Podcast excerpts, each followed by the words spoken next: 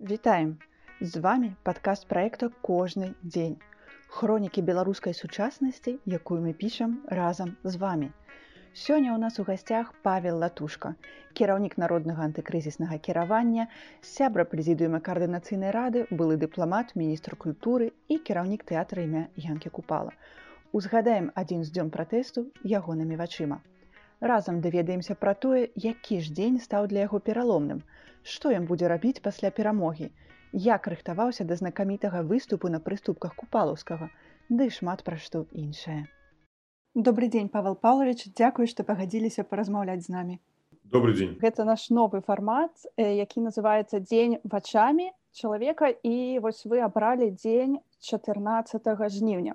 Ну, сапраўды пачынаючы ўжо з 9 з вечара калі мы ўсе сачылі за развіццём падзей якія адбываюцца ў мінску у гарадах беларусі і у нас не было дастатковай інфармацыі звестак мы я званіў сваім сябрам калегам знаёмым па замежжы беларусі якія маглі чытаць навіны з тэлеграм-каналу і тады атрымліваў інфармацыю чаму водбліскі света над мінскам па начах чаму гукі гранат які ўзрываліся і толькі тады я мог даведвацца што сапраўды дзеецца ў беларусі конечно мы усе чакалі інфармацыі менавіта у гэты дзень адбылася выгрузка тэлеграм-каналамі шмат відэоматэрыялаў фотаздымкаў сведчанняў людзей якія выходзілі са следчых ізалятараў. З акрэсціна жодзіна з іншых месцаў мы побачылі той жудасны гвалт які ажыццявілі ўладу ў адносінах да мірных людзей мірных пратэстантаў Я памятаю, што я э, прачнуўся можа каля шостой раніцы яшчэ не было 6 я ад гука тому что сапраўды телефон пікаў без перапынку это все была выгрузка смс і э, іншых паведамленняў з телеграм-каналу я адчыніў і сапраўды было вельмі цяжка на гэта все глядзець але адначасова была яшчэ большая упэўненасць якая існавала ўжо напярэдадні выбараў у той той месяц які паўтары два які папярэднічаў само самім выбарам 9 жніўня што ў краіне пачне штосьці змяняцца. І вось менавіта прачнуўшыся пабачыўшы гэты весь жудас я патэлефанаваў напісаў некалькім сябрам і мне сказалі што людзі плачуць калі бачылі тое што мы маглі паглядзець. І я ўстаў раніцай паказаў шэраг відэоматэрыялаў для матулі якая таксама не прачнулася вельмі рана і сабраўся на працу паехаў у нацыянальны акадэмічны тэатр янкі купалы і шмат людзей мне званіла і нават адзін чалавек блізкі для мяне сказаў ну я не перакананы у тым што штосьці ты зробіш у гэты дзень бо я уже эмацыйна не мог вытрымліваць. Я прыехаў у тэатр зразумела я запрасіў кіраўніцтва нашага страйкавага камітэту купалаўскага тэатра які быў уже сабраны раней. Я не мог без іх ажыццявіць гэтых дзеянняў і сказаў што я хацеў бы звярнуцца з прамовай я попрасіў нават кіраўнічку літаратурнай часткі купалаўскага тэатра напісаць можа нейкі драфт. Праект але пазней ўжо даволі моцна як бы дапрацаваўшы дадаўшы менавіта сваіх эмацыйных успрыняццяў таго што я пабачыў і узгадніўшы са страйкавым камітэтам я выступіў перад будынкам тэатра. Ну гэтаму таксама папярэднічала яшчэ некалькі падзеяў кажу што пазней пасля размовы з шэраг купалаўскіх артыстаў што я планую выступіць з такой прамоваю нават я не планаваў выступаць перад будынкам тэатра. Гэта было я хацеў зрабіць толькі відэозапіс дзеля таго каб апублікаваць у сацыяльных сетках. Для мяне сказалі хлопцы што пал палач ведаеце што зараз на праспекце знаходзяцца прадстаўнікі 12 мінскіх тэатраў нацыянальных і рэспубліканскіх і не будете вы супраць калі вы зробіце гэтую прамову публічна ў іх прысутнасці я сказаў ну конечно для мяне будзе вялікі гонар і тады ўжо арганізавалі камеру і я выйшаў перад будынкам купалаўскага тэатра і прачытаў той тэкст які для мяне быў вельмі важны. Важны перадусім для мяне бо гэта было як у нейкім сэнсе ачышчэння ачышчэння ад бруду ад таго з чым я не пагаджаўся але можа публічна так моцна ніколі не выступаў. Я выступіў супраць гэтаму гвалту. І пазней конечно пачалі адбывацца падзеі. Гэта было уже не дзень гэта была одна хвіліна можа гэта быў наадварот некалькі дзён у маім жыцці это цяжка зараз ацаніць бо сапраўды пачалі тэлефанаваць прадстаўнікі сродкаў масавай інфармацыі прасіце каментары тэлефанавалі з рэйтерс з BBC з расійскіх сМ я атрымаў за той дзень можа сотні смс паведамленняў і сотні телефонных звонков я ніколі не думаў что атрымаю такую велізарную падтрымку. Мне тэлефанавалі на ўзроўні міністраў намеснікаў міністра на урада і чыноўнікі сярэдняга ўзроўня і сябры і знаёмыя і якіх я можа уже давно не кантактаваўся. Але вось такі эмацыйная падтрымка якую я адчуў гэты дзень яна была вельмі важная. Сапраўды калі чалавек выходзіць і выходзіць фактычна на міннае поле ну ён рызыкуе мы разумеем да ён робіць гэты крок гэта можа эмоцыі але ўсё ж такі свядомыя эмоцыі. Э, я здаваў сабе справу што можа за гэтым пайсці. Але вось гэта чалавечая людская падтрымка яна была вельмі важна. Конечно былі такія тэлефонныя званкі што зараз вы знаходзіцеся на дзяржаўным э, э, забеспячэнне мне было сказано так вы находитесь на государственном обеспечении 24 часа в сутки 7 дней в неделю ну что означало что со мной будзе ажыццяўляцца поўнавартасны контроль э, спецыяльнымі службамі быў телефонны звонок дзе мне прапанавалі ні ў якім разе не крытыкаваць нелегітымнага прэзідэнта бо гэта павялічвае мае рызыкі што я ведаю яго асабіста ведаю усе яго крокі які он можа ажыццявіць у адносінах асобы якая выступает супраць яго. Але гэта не паўплывала на мяне тому что ну, ўжо рашэнне было прынята і уже не меў я права даць Э, як бы назад. Я памятаю что я нават і не обедаў у гэты дзень і не памятаю ці вячэраў э, я пайшоў на плошчу э, незалежнасці гэта таксама была сітуацыя мне позвонила лілія власова з якой мы пазней радам разам увайшлі ў каранцыйны савет і абраліся ў прэзідыум каранацыйнага савета і сказала павел зараз шмат людзей на плошчы незалежнасці але няма таго хто бы мог бы выступіць падтрымаць людзей прыходзь калі ласка ну і скажу шчыра что это не было прынята рашэнне ў одну секунду так я іду я падумаў некалькі хвілінаў зноў жа разумеючы что я іду яшчэ далей яшчэ глыбей і падумаў і зразумеў что не я не магу сядзець у кабінеце мною паважанага нацыянальна акадэмічнага тэатра янкі купалы калі такія падзеі адбываюцца маёй краіны калі людзей гвалціць нішчыць за тое што яны хочуць сказаць сваё слово за тое што не пагадзіліся фальсіфікацыі я пайшоў на плошчу незалежнасці шчыра кажучы што столькі э, слову падтрымкі на гэтым кароткім шляху ад купалаўскага да плошчы незалежнасці я ў жыцці не атрымліваў вспоминаю што людзі з іншага боку вуліцы крычалі віталі мяне гэта было так шчыра і прыемна пазней я сустрэў можа сем дзяўчат вельмі прыгожа таких апранутых у бел чырвоны белые там колеры былі і кожная з іх захацела пацалаваць мяне ў шаку і пацалавала негледзячы на тое что это была кавідная сітуацыя все все але мне было так по-чалавечаму прыемна я прыйшоў на плошчу не было гукаўзмацняльнай апаратуры я бачыў толькі што там быў нікляю вось і Я тады падышоў да прэсы было шмат прадстаўнікоў сродкаў масы інфармацыі бо это адзіная была магчымасць камунікацыі з людзьмі як на плошчы бо ўсе маюць электронныя носьбіты так і з людзьмі па-за плошчаю і сказаў што я не, не магу пагадзіцца з гэтым гвалтам і патрабую адстаўкі караева барсукова міністра намеснікаў міністра на той час унутраных спраў дырэктара дэпартамента выканання пакаранняў міністэрства ўнутраных спраў бо яны павінны быць пазбаўлены сваіх пасадаў і павінна быць адбыцца расследаванне ўсіх тых падзей які былі ну так што шмат людзей падыходзіла пыталася што далей што мы будзем рабіць падтрымлівала хацела атрымаць нейкую раду нейкі накірункі дзеянняў пазней я вярнуўся ў купалаўскі тэатр там былі і купалаўцы і я уже нават скажу шчыра і не памятаю конечно адразу мне прапанавалі нават аховы што цікава што мяне ахоўвалі менавіта артысты купалаўскага тэатра яны нават арганізавалі такое дыжурство каля майго кабінета каб ніхто не мог знайсці каб мне не маглі арыштаваць у той ж самы дзень гэта прадаўжалася на працягу некалькі дзёнаў нават калі я начаваў у розных месцах у гатэлях у сяброў знаёмых калі я пазней начаваў і дома яны нават дома са мною начавалі. То есть яны вельмі перажывалі як я за іх так яны за мяне апекаваліся маёй бяспекай. Вось.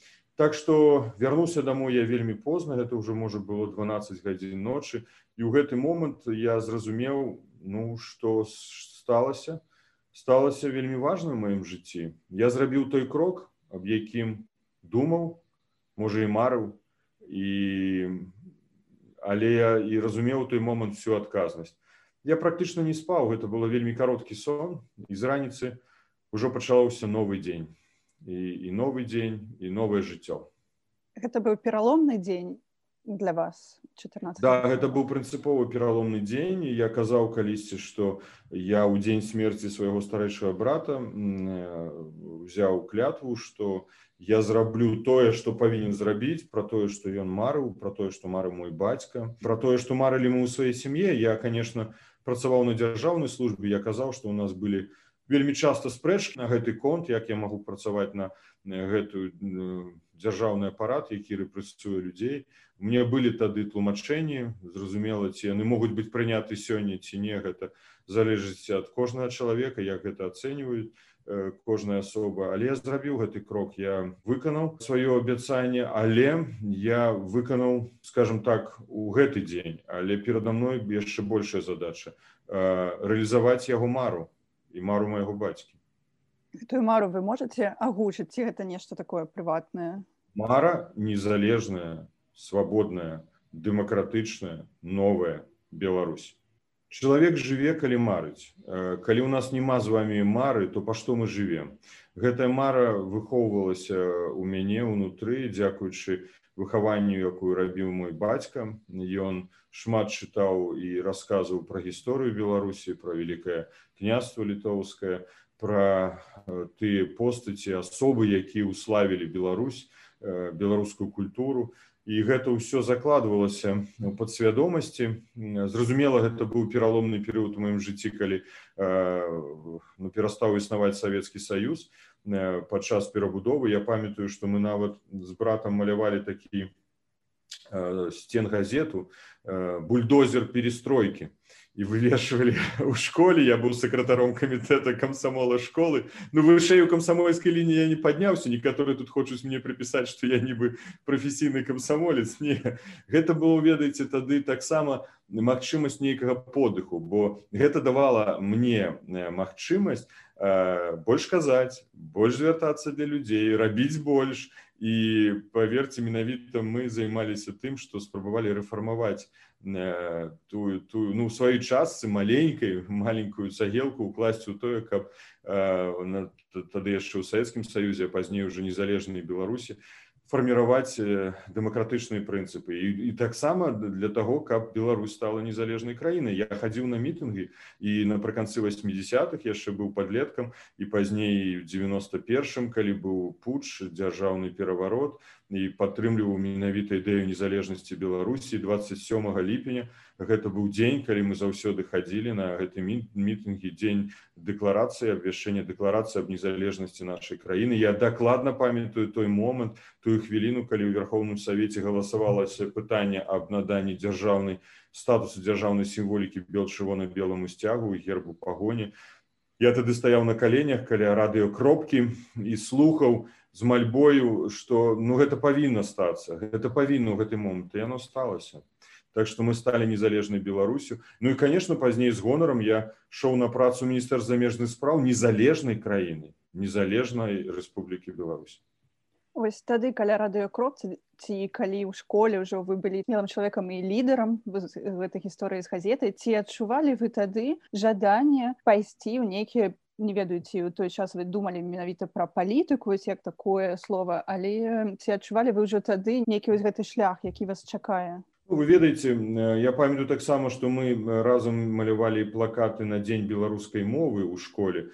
Калі так шчыра скажучы я не атрымаў вялікую падтрымку на той момант сярод сваіх аднакласнікаў каб зрэалізаваць такі праект але ўсё ж таки ён быў рэалізаваны і агульнае было станоўчае ўражанне ўсіх але мы дваёх удвох у з братам па вечарах малявалі гэтыя плакаты. Я памятаю калі былі дні самакіравання нават быў дырэктарам школы ну калі ўжо вяртацца ў дзяцінства. Вось так што нейкія лідарскія моманты конечно заўсёды прысутнічалі. Я нават памятаю што ў настаўніцкую прыйшоў і пачаў вымаўляць для настаўніцы гісторыі чаму яе там клас крычыць там гвалт а а вы тут сидите и непарадку у вас нема ў класе нават набіраўся такой смелости. Ну это паўжартам паўсур'ёзна да я думаю что конечно я про гэта думаў зразумела это подтверждаецца можа тым что я стараўся штосьці рабіць у той момант на ўзроўні так скажем школьных гадоў гэта было было маёй марай але яна пазней гэтая мара канкрэтызавалась у разуменне того што я павінен дапамагаць пабудове незалежнай беларусі гэта было ўжо такая мара больш глобальная і конечно шукаць сваё месца у гэтым працэсе. І вось гэтае месца ну это можа той шлях праз які я прайшоў праз розныя дзяржаўныя пасады. По-рознаму гэта можна ацэньваць я абсалютна згодны. Але вось той хто крытыкуе за тое што хтосьці раней працаваў у дзяржаўным апараце ён ставіць пад пытанне неабходнасць таго каб сёння дзяржаўныя чыноўнікі пераходзілі на бок народа каб сёння яны разумелі можа тыя памылкі якія яны здзяйснялі ці здзяйсняюць мы же з вами зараз менавіта вядзем барацьбу за тое каб э, як магу больш і прадстаўнікоў сілавога апарата і дзяржаўных служачаў перайшло на бок народа. Ну тады мы робім самі сабе подножку да? Калі мы крытыкуем тых хто перайшоў на бок народа Так што гэта такі працэс я думаю што натуральны і правільны калісьці ён прыспяшаецца як гэта было звязанае з падзеямі ў жніўні калі людзі пабачылі фальсіфікацыі гвалт ён прыспешыўся тады больш людзей перайшло на бок народа. Вяртаючыся зараз мы даведаліся што ваша кар'ера фактычна пачалася яшчэ са школы ці цяжка вам размяжоўваць зараз напрыклад ну, так пачнем што з піянерскай арганізацыі я нават кіраўніком быў піянерскай арганізацыі Ось бачыце Слухайте, ну як вы зразумелі яшчэ раз я быў далёкі ад тых прынцыпаў і, і стандартаў гэта было як інструмент для так. лідарства для рэалізацыі сваіх мэтаў бо на той момант нічога іншага не існавала ці можам мы уявіць што ў мінскай ці ў беларускай школе можна было бы стварыць апазіцыйную партыю ці маладзевую арганізацыю нават сёння гэта вельмі вельмі складана практычна нереальна калі у нас партыі не рэгіструюць ну тады это таксама было немагчыма Так што нават будучы членам камсамола, але я ўдзельнічаў менавіта ў мітынгах у падтрымку дэмакратыі, у мітынгах у падтрымку незалежнасці Беларусі. Гэта дзякую вам за гэтае дакладненне. Ці цяжка вам э, зараз размяжоўваць успрыняцце падзей як чалавеку вось, асабіста са сваімі эмоцыямі і таксама як чалавеку вось такой багатай кар'еры, які ўсё ж такі трошки па-іншаму напэўна ўспрымае гэтыя падзеі і трошки па-іншаму думае дзе як нешта сказаць ну, я думаю что э, гэта все этапнасць. Я не, не думаю что латушка узору жніўня 2020 і студзеня 2021 года чымсьці змяніўся ў рыторыцы у выказваннях у ацэнках тых падзей якія адбываюцца ў нашай краіне жудасных на жаль падзей. Скажу что можа з'явілася менш перашкодаў бо перашкодаў можа нават унутраных бо раней конечно вось гэтая сістэмнасць дзяржаўнага апарата тое что гэта мела конечно уплыў на тое наколькі ты можаш свабодна разумеючы что ты ўваходзіш у поле вялікай рызыкі выказвацца. Я памятаю прэс-канферэнцыю карнацыйнай радзе калі у Я зрабіў заяву пра тое, што фактычна ўсе дзяржаўныя інстытуты, установы ў нашай краіне кантралюе камітэт дзяржаўнай бяспекі. І як бы расказаўшы пра гэта, я разумеў, як унутры у мяне былі перажыванні, бо я рабіў выклік, выклік сістэме. Сёння гэты выклік мне зрабіць значна лягчэй, бо ўсё ж таки прайшоў гэты этап і, і ты можаш ужо рабіць больш і можаш можа, нават я кажу не, не змянілася можа рыторыка унутраныя можа нейкія перашкодзікі маленькія якія былі яны паменшыліся яны фактычна змінімізаваліся калі я правильно адказаў на ваше пытанне ці зразумеў я яго добра мне падаецца што часткова так а частковае пытанне было таксама да таго вось павел латушка як палітык зараз і павел латушка як чалавек напрыклад са сваімі блізкімі гэта э, людзі гэта два паўла латушкі якія трошкі по-рознаму адчуваюць ці трошкі по-рознаму кажуць да нешта.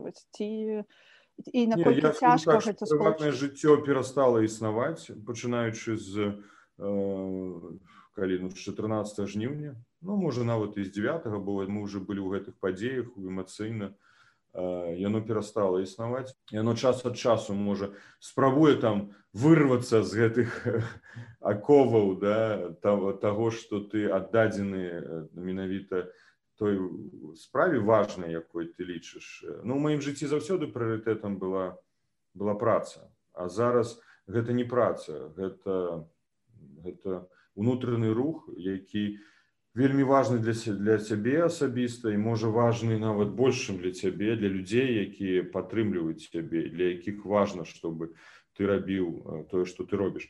Вось так что тут мои адносіны да можа прыватныя яны просто зменшыліся. Яны ні, ні ў чым не змяніліся але змена адбылася тое что на жаль на гэта няма часу. Вось у тым і якраз гэта такая розніца у ну вельмі яскравая вельмі адназначная. То есть і раней было мало часу на прыватнае жыццё а зараз яно просто перастала існаваць. Ось калі вернемся да падзеі 14 жніўня ці можете вы узгадаць што якія эмоцыі вы адчувалі калі записывалі гэты зварот і вось гэта розныя іншыя этапы пра якія вы казалі калі вы ішлі да плошы вось як змянялася гэта палітра эмоцый Я думаю, што мае эмоцыі былі бачныя, калі вы паглядзіце менавіта само выступленне каля будынка купалаўска тэатра.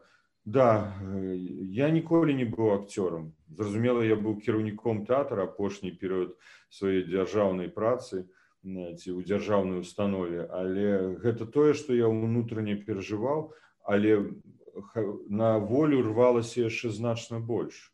Значна больш, бо ну гэта гэта было сапраўды жахлівая сітуацыя і яна працягваецца на жаль. Тое што мы побачылі ў той момант. І я скажу так что я зараз не разумею многіх сваіх калег дыпламатаў паслоў якія нават кажуць что ой нам псіхалагічна так цяжка так цяжка ну что яшчэ павінна здзейсніцца вакол іх каб яны зразумелі что менавіта лягчэй будзеш калі ты поступіш па сумленню по прынцыпах маралі так что тады эмоцыі перапаўнялі але ты разумеў что ты выходзіш да людзей что ты записываешь відэазварот які будуць глядзець іншыя людзі что таксама ты павінен ну нейкім чынам ну трымаць сябе ў руках. Перадаць гэты змест гэтых эмоцый але не перайсці можа нейкую мяжу. Э, ну ці атрымалася ці не я не ведаю. Гэта ты хто паглядзеў перадусім мае права гэта ацэніць мне вось калі я пераглядала учора таксама рыхтуючыся да нашай размовы гэтую прамову вашу разам з купалаўцамі ёсць такое адчуванне эмоцый і адначасова і, і болю і нейкай гордасці тое пра што вы кажаце дарэчы у гэтай да. прамове да, вельмі цяжкія наруся тым што я беларус мне сорамна але я ганаруся это я сказал раніцы для матулі пазней нелегітымны нават на гэта адрэагаваў калі вы чулі что ён там матулі рассказывае да? Але ж ёсць блізкія людзі да якіх мы перадусім прыходзім со сваім болем адчаем перамогамі святамі думкамі эмоцыямі. Гэта наши блізкія людзі якія побач з намі. Ну звёз у сувязі з тым что гэта была кавідная гісторыя маці жыла ў маім доме Вось і конечно яна бачыла ўсе гэтыя перажыванні. Мы шмат з ёй дыскутавалі калі глядзелі перадвыбраную кампанію як затрымлівалі кандыдату як пазней тры жанчыны пайшлі э, на пералом э, перакор сістэме. Ну, вось так што і гэтымі думкамі якія падзяліўся з ёй. Менавіта я сказаў што мне сорамна як беларусы могуць паступаць так са сваімі э, беларусамі роднымі блізкімі людзьмі.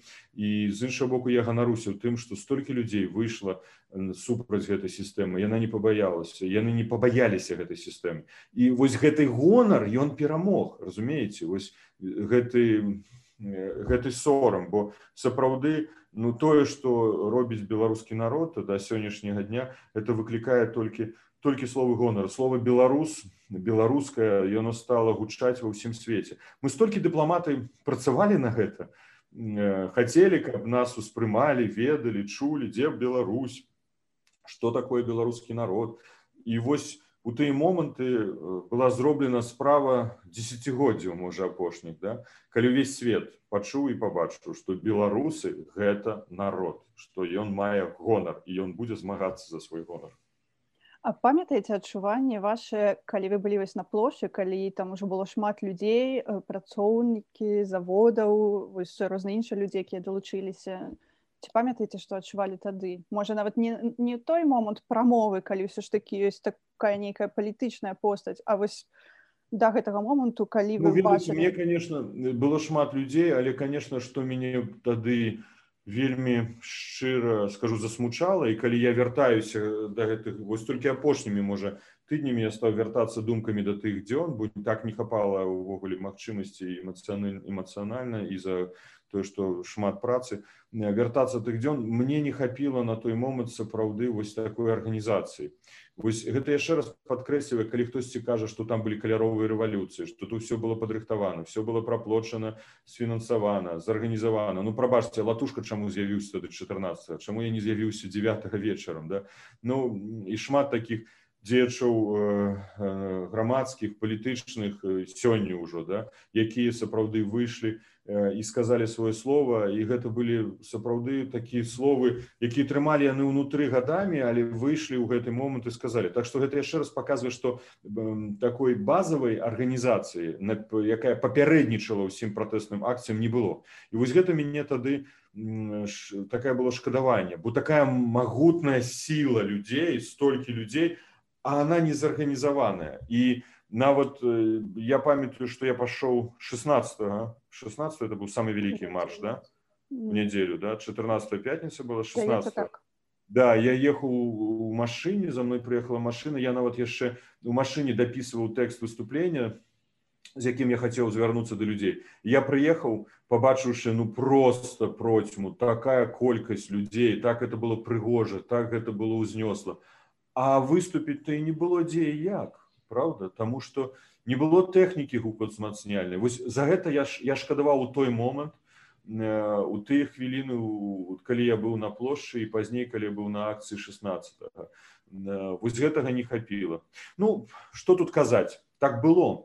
Калі мы будзем за гэта перажываць это будзе нас дэматываваць Таму павінны гэта прыняць мы не прафесійныя рэвалюцыянеры мы ніколі не займаліся прафесійнай палітыкай э, гэта новае пакаленне людзей якія Э, ну хочуць змяніць дапамагчы можа так дапамагчы змяніцца нашай радзімы калі вяртацца зноў да 14 жніўня ці можна казаць што менавіта з гэтага дня пачаўся ваш шлях у каардынацыйную раду якая пра стварэнне якой дарэчы было абвешчана менавіта ў гэты дзень я не памятаю калі паступіў телефонны званок ад калеснікавай марыі 14 э, ці 15 ну сапраўды дзесьці ў гэтыя дні яна патэлефанавала і прапанавала увайсці ў карнацыйны савет які ствараўся на той момант пазней у нас была сустрэча вельмі хутка мы сустрэліся у мінску мы а дарэчы да это быў званок я думаю якраз таки 14 15 бо першы раз мы пазнаёміліся на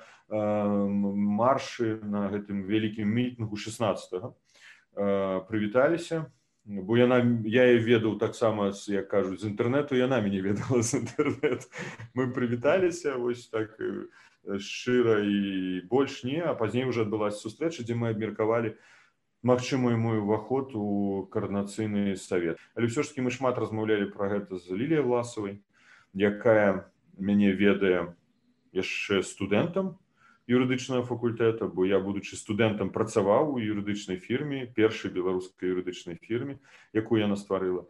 Так што гэта былі ж ну гутаркі наколькі працягла мяне бо не хапала тады час але размаўлялі з ёй. Ну і пазней увайшоў каранцыйны савет наколькі тое што вы пабачылі ў нашай хроніцы за 14 жніўня каралюе з вашымі ўспамінамі пра гэты дзень? Я думаю што ведаеце кожны чалавек будзе мець сваю гісторыю. І кожны чалавек будзе мець права ўпісацца ў гэты дзень сваёй уласнай гісторыі і мы гэтую гісторыю напішам. Я думаю будзе шмат яшчэ ўспамінаў апублікаваны надрукаваны. Гэта павінен быць такі нават мемарыял памяці кніга памяці я бы назваў бы беларусі як бы чтобы мы не забыліся про гэты вельмі важныя для беларускага народа дні. Гісторыя ўжо адбылася але мы яшчэ не зрабілі гісторыю. Бо зрабіць гісторыю гэта перамагчы. Но это уже ўпісана ў гісторыю але нам трэба зрабіць яшчэ гісторыю. Гэта таму што гісторыю пішуць пераможцы ці неяк па-іншаму гэта тлумачыце Не, я тлумачу тым, што тое, што адбывалася і адбываецца сёння ў Беларусі, гэта ўжо сапраўды частка сучаснай гісторыі Беларусі. І гэтыя моманты, напэўна, застануцца больш працяглым апісанні гістарычных падзей у нашай краіне на беларускай зямлі. Дзеці будуць вучыць гісторыю і будуць вучыць менавіта тое, што адбывалася ў гэтыя дні ў Беларусі. Але я хачу, каб, вось у падручніках гісторыі беларусі скончылася гэтая глава тым што і Беларусь пачала будаваць дэмакратычную новую Беларусь. Беларусы пачалі будаваць новую дэмакратычную Беларусь. Вось гэта нам засталося зрабіць гісторыю. Наш проект называется кожны дзень цікава параўнаць як вось праходзіць зараз вашы ваш такі нармалёвы кожны дзень і калі параўнаць яго напрыклад з днём на пасадзе міністра ці амбасадара што самае галоўнае змянілася? Чым самое ну, калі зараз сказаць што у меня нармалёвы дзень ён зусім не нармалёвы но фактычна я казаў гэта ў інтэрв'ю пацвердзіць хацеў бы што вельмі шмат вельмі мала часу застаецца на сон. Працуюць сапраўды вельмі крэатыўныя людзі вельмі самаадданыя шмат моладзі людзей якія актыўныя. Актыўныя неважна ці гэта ноч ці гэта раніца ці гэта дзень яны заўсёды актыўны. І ты знаходзішся таксама ў гэтым рэчышчы бо вельмі шмат перажываеш. Перажываеш эмацыянальна таксама перажываеш за тое каб дайсці менавіта да гэтага моманту калі мы пачнем новую гісторыю беларусі. І так што гэты дзень гэта звязана з вялікай колькасцю сустрэч размоў інтэрв'ю выпрацоўкай планаў новых падыходаў зараз мы працуем над стратэгіяй далейшых дзеянняў на весну на бліжэйшыя месяцы і на вясну бягучага года. Гэта камунікацыя з ініцыятывамі з палітычнымі цэнтрамі якія сёння існуюць на нашай палітычнай мапе. Ну вы бачыце што шмат пытанняў якія ў парадку дня мы рэагуем напрыклад так званы всебеларускі народны сход. Это зараз вельмі шмат працы супрацьдзейнічаць гэтаму адзіная кніга рэгістрацыі злачынстваў шмат выяўляе фактаў прыкладу гэта ўсё праца праца людзей каманд людзей агульнай нашай каманды скіравана на тое каб перамагчы гэты рэжым паказаць людзям праўду пра тое што адбывалася і сёння адбываецца ў Беларусь вельмі шмат камунікацыі замежнай пры тым што мы не ставім за мэту ездзіць па сталіцах сустракацца з першымі асобамі мы наша каманда бярэ на сябе працу хутчэй такую рабочую это як кажуць падзел абавязкаў да? мы бярэм кантакты з амбасадарамі з міністрамі замежных спраў сінтэнкамі ну, так скажем аналітычнымі цэнтрамі з канкрэтнымі асобамі якія лабуюць ты ці іншы дзеянні ў сувязі з парушэннем масавым парушэннем правоў чалавека ў беларусі. Вось гэта наша такая тэктанічная штодзённая праца. Таких сустрэч размоў гутарак ну вельмі шмат. І я трэба рабіць бо само по сабе нічога не народзіцца. Трэба папрацаваць. І вось гэта это шмат нашай працы забірае і з часу забірае. І, і мы это робім кожны дзень ён ён не падпадае под расклад. Ты прачынаешься раніцай і можаш атрымаць новы парадак дня новую тэму якая з'яўляецца не шмат чаго мы плануем і выходзім да людзей і ці робім крокі ці сустрэчы ну вось апошнім часам была сустрэча з дзяржаўнымі сакратарамі бяспекі польльшы украіны як две суседнія краіны. Была э, такі мазгавы штурм як рабіць што рабіць можна на якую дапамогу мы можемм разлічваць ад наших суседзяў была сустрэча з шэрагам супрацоўнікаў міністэр замежных спраў аўстрыі банкаўскіх інстытутаў. Мы вельмі актыўна зараз працуем над тым каб пераканаць партнёраў што тыя крэдытныя рэсурсы якія выдаткоўваюцца рэжыму яны будуць выкарыстоўвацца менавіта на падаўленне мірных дэманстрацый пратэстаў на тое што кожны крэдытор мае права праверыць мэтанакіраванасць гэтых крэдытных рэсурсаў на тое што еўрааблігацыі якія выпускаліся ў тыя дні калі ўжо сядзеў за кратамі Віктор бабарыка Сергей ціхановскі не мелі права маральнага выпусціць такія банкаўскія структуры як райфайзенбанк сіте сосіте генераль. І мы працуем з гэтымі банкамі мы працуем з міжнародным валютным фондам всесветным банкам еўрапейскім банкам рэканструкцыі развіцця гэта 38 зараз фінансы рэйтынгавымі агенствамі 38 фінансавых інстытутаў з якімі мы працуем. Ну можете сабе ўявіць калі 38 інстытутаў гэта ну велізарны пласт працы гэта нечым падобна на вашай на ваш такі тыповы калі так можна сказаць дзень дыпламата вось гэтая колькасць сустрэч да, ну, непрадказальна сэнсе так бо там все ж таки абсалютна ну менш значна менш было ўнутранай палітыкі гэта знешнепалітычныя размовы перамовы я заўсёды казаў што нашай пасольствы можна падзяліць на две катэгорыі так ну умоўна іх можа быць і больш ёсць краіны дзе заўсёды будзе актыўны парадак дня бо гэта важныя партнёры такія як суседзі перадусім ці гэта германія ці гэта злучаныя штаты амерыкі брусель бельгія як еўракамісія дзе знаходіцца кітай. Але ёсць краіны дзе шмат чаго залежыць ад амбасадараў. Я дарэчы скажу і пра францыю і пра гіспанію дзе мне прыйшлося працаваць. Там няма актыўнага парадку дня ў адносінах з беларусю і залежыць менавіта ад пасольства пасла наколькі гэты парадак дня будзе стварацца. Так што тут же э, мы зараз як бы знаходзімся ў такім рэчышчы ўзаемнай актыўнасці.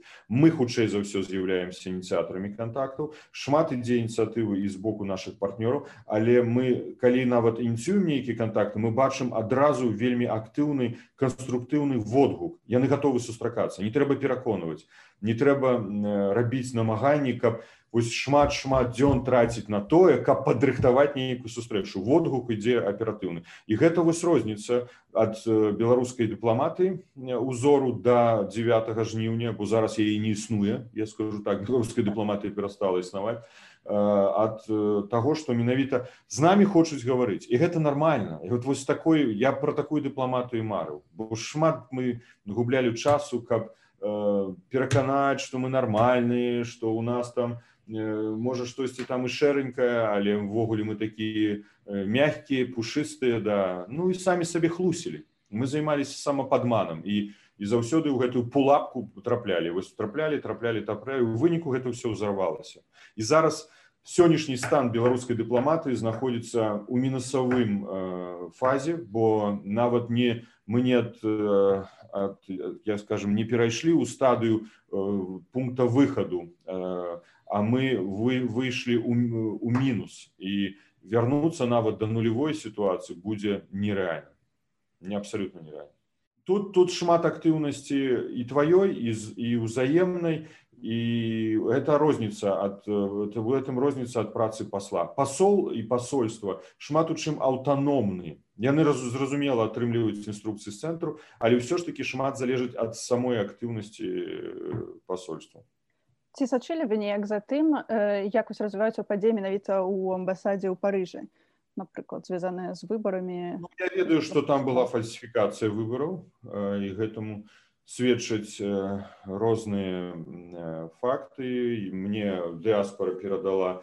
шмат лістоў скаргаў які накіроўвалі ў выбарчую камісію. Узначаліў яе мацукоў саветнік які выязджаў у бардо напрыклад з урнай для галасавання яшчэ напярэдадні выбараў адзін і збіраў галасы выбарцаў гэта уже з'яўляецца парушэннем дзеючага заканадаўства ўжо на гэтай падставе можна прызнаць несапраўднымі выбарамі якія адбыліся ў акрузе якая была створана пасольствам беларусі ў францыі. Я ведаю што такія падыходы выказваю сённяшні пасол беларусі ў францыі ігор фісенко які з дыпламатычнай сям'і якога я ведаю яшчэ са студэнцкіх гадоў і мне шкада што ён менавіта пайшоў гэтым шляхам. Так што там фактычна было здзейснена злачынства. І гэта все з'яўляецца падставай уносіць у адзіную кнігу рэгістрацыі злачынству і пазней э, несці гэтым асобам людзям э, юрыдычную прававую адказнасць. Я не суддзя я не маю права выносіць рашэнне. Рашэнне будзе прымаць суд. Але то што падставы дзеля таго каб следства адбылося яны ўжо ёсць вельмі шмат скаргаў ад нашай дыаспоры. Ваш дзень падчас таго як вы былі дырэктарам купалаўскага тэатра. Скажу так. я люблю працу гэта моя праблема. Я больш за ўсё на жаль люблю працу. Гэта дрэнна я разумею.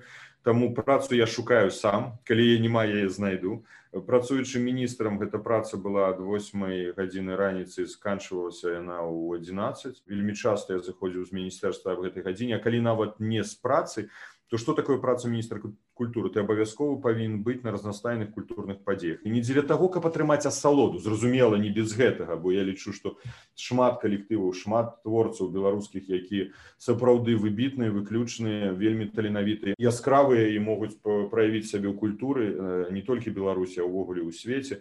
Але ўсё ж такі ты павінен ведаць што адбываецца ў тэатрах на канцэртных пляцоўках.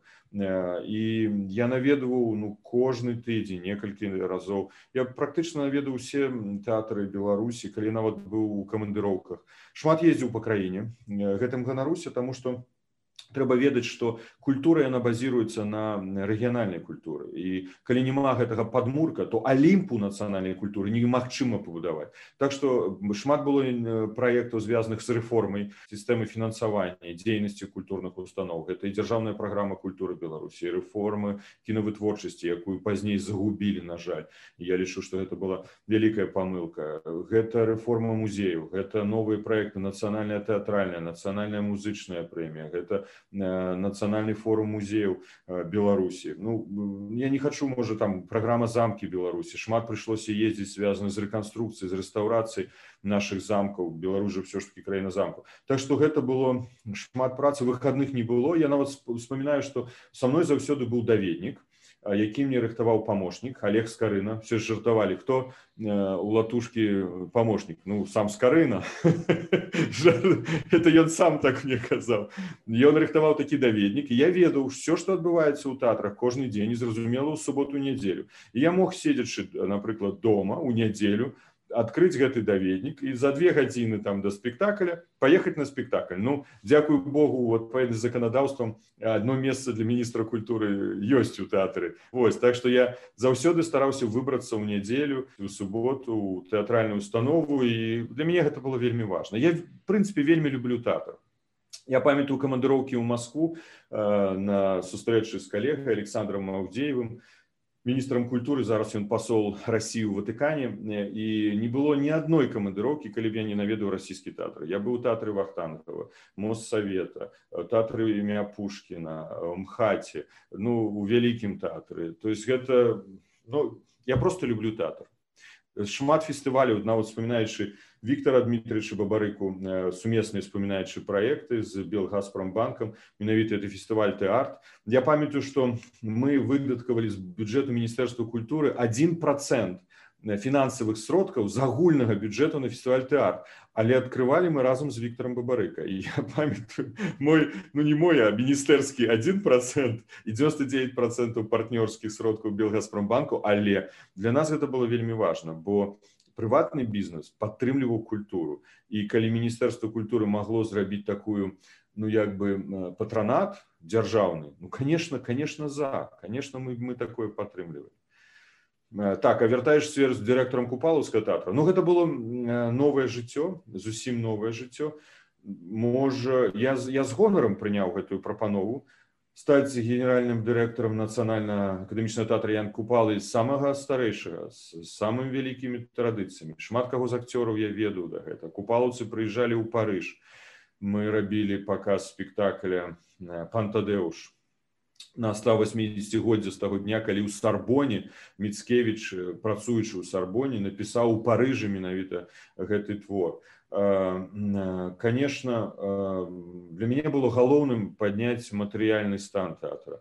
Штосьці ўдалося з гэтага зрабіць. У нас было 27 партнёраў калі я заходзіў з тэатра і некаторы нават з маіх калег казалі мне напрыканцы мінулого года калі лукашенко прыняў рашэнне фактычна пазбавіць купалаўскі тэатр фінансавання после таго як трупа выступіла супраць фальсіфікацыі выбараў і гвалту то яшчэ сродкі вось менавіта гэтай спонсарскія дапамагалі нейкім чынам выплочваць заробкі. Але нішчыць сапраўды сімвал беларускай нацыі сімвал беларускай культуры купалаўскі тэатр.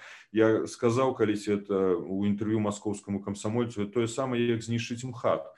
Ну культура як і дзяржава яна стаіць на не толькі на сімвалічных рэчах але ўсё ж такі на сімвалах. А сімвалах які існуюць дзейнічаюць якія ствараюць які робяць сённяшні і будучы дзень і нішчыць такія слупы под сабой якую перспектыву мае такая дзяржава. Але прабачце дзяржава можа мае ўсё роўна яна перажыве она выйдзе. Улада не будзе мець такой перспектывы ужо напэўна ніколі. Тая якая нішчыць такія інстытуты. Конечно у тэатры працаваць прыходзілася позна бо мы ж ведаем працоўны дзень пачынаецца ў 9 спектаклі усім не было фактычна вечара каб я не шоу на галоўную сцэну ці малую сцэну каб паглядзець як там все гатова як пачынаецца спектакль.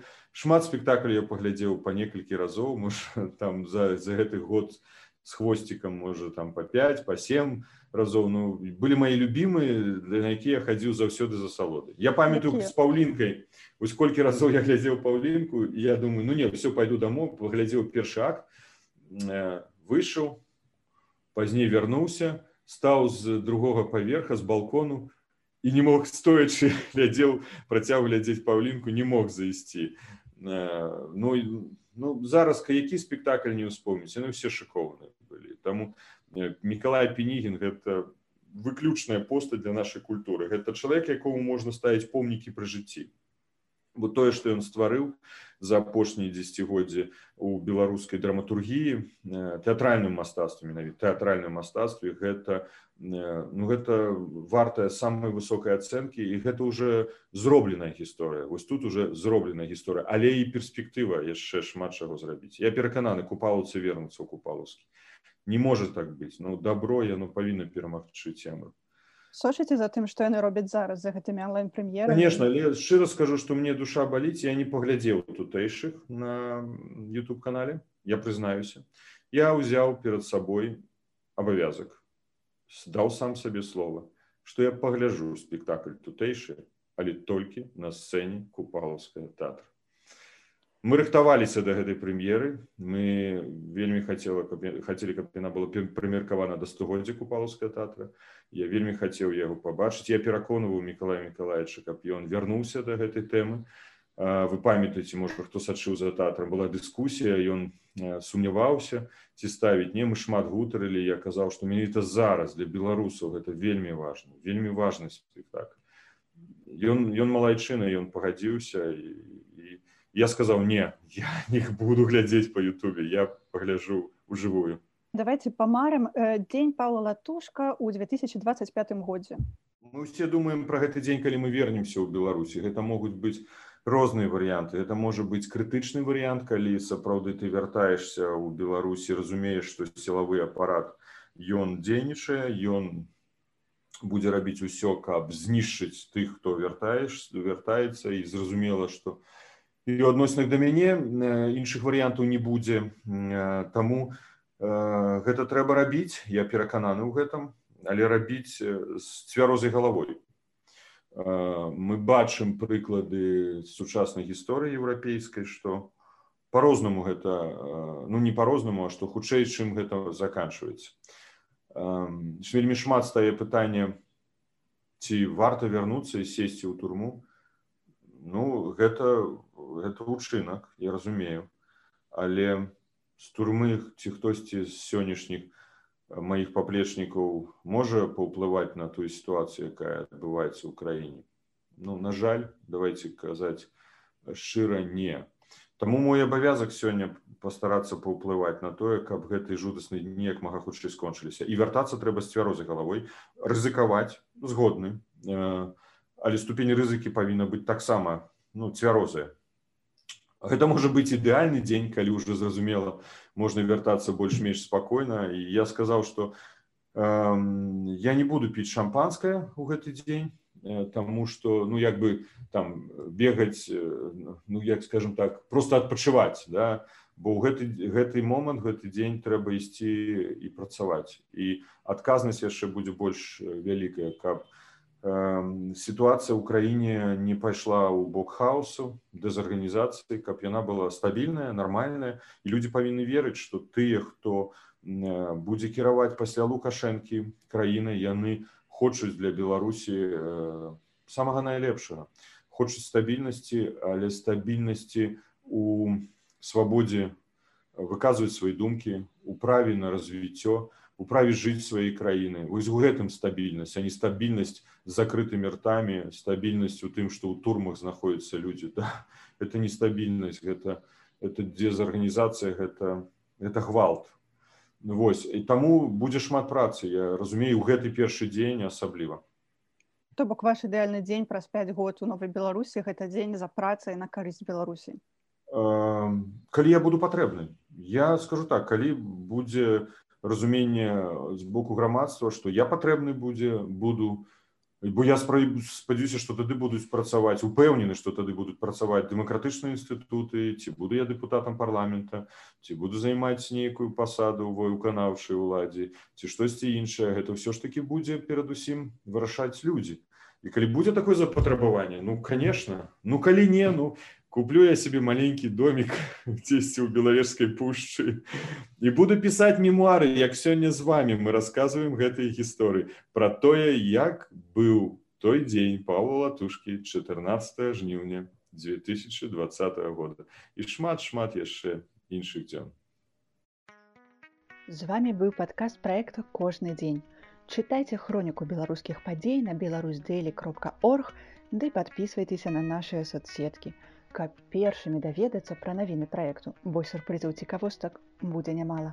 Добрага дня і да хуткай сустрэчы.